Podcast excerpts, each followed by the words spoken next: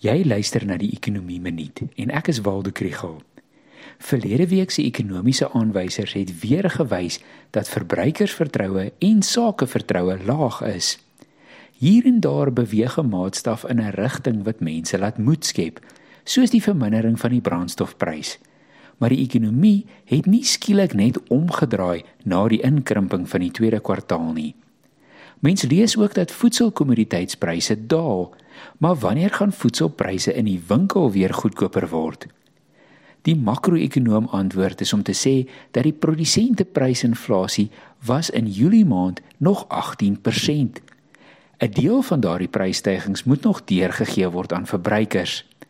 Maar dan vergeet mens, daar is regte maatskappye in die ekonomie wat moeilike besluite moet maak in hierdie tyd. Business Times het oor die naweek 'n berig gehad oor maatskappye AVI en RCL Foods.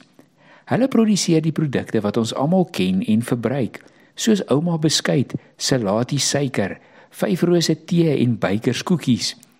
Hierdie maatskappye moet koste snoei, hulle aankooppryse verskans en hulle dink aan volumes van verkope saam met die winsmarge. Hulle kan nie net al hulle kostestygings deurgee aan die verbruiker as prysstygings nie, want verbruikers is nou prysensitief en soek na waarde vir geld alternatiewe. 'n Wye produkreeks en slim promosies is nou nodig om aan te hou besigheid doen. Hierdie week se aanwysers sluit kleinhandelverkope syfers vir Julie maand in. Die verwagting is dat die verkope op 'n maand tot maand basis laer gaan wees dit gaan dalk nog 'n tyd neem voordat ons 'n positiewe sy aan hierdie syfers gaan begin sien.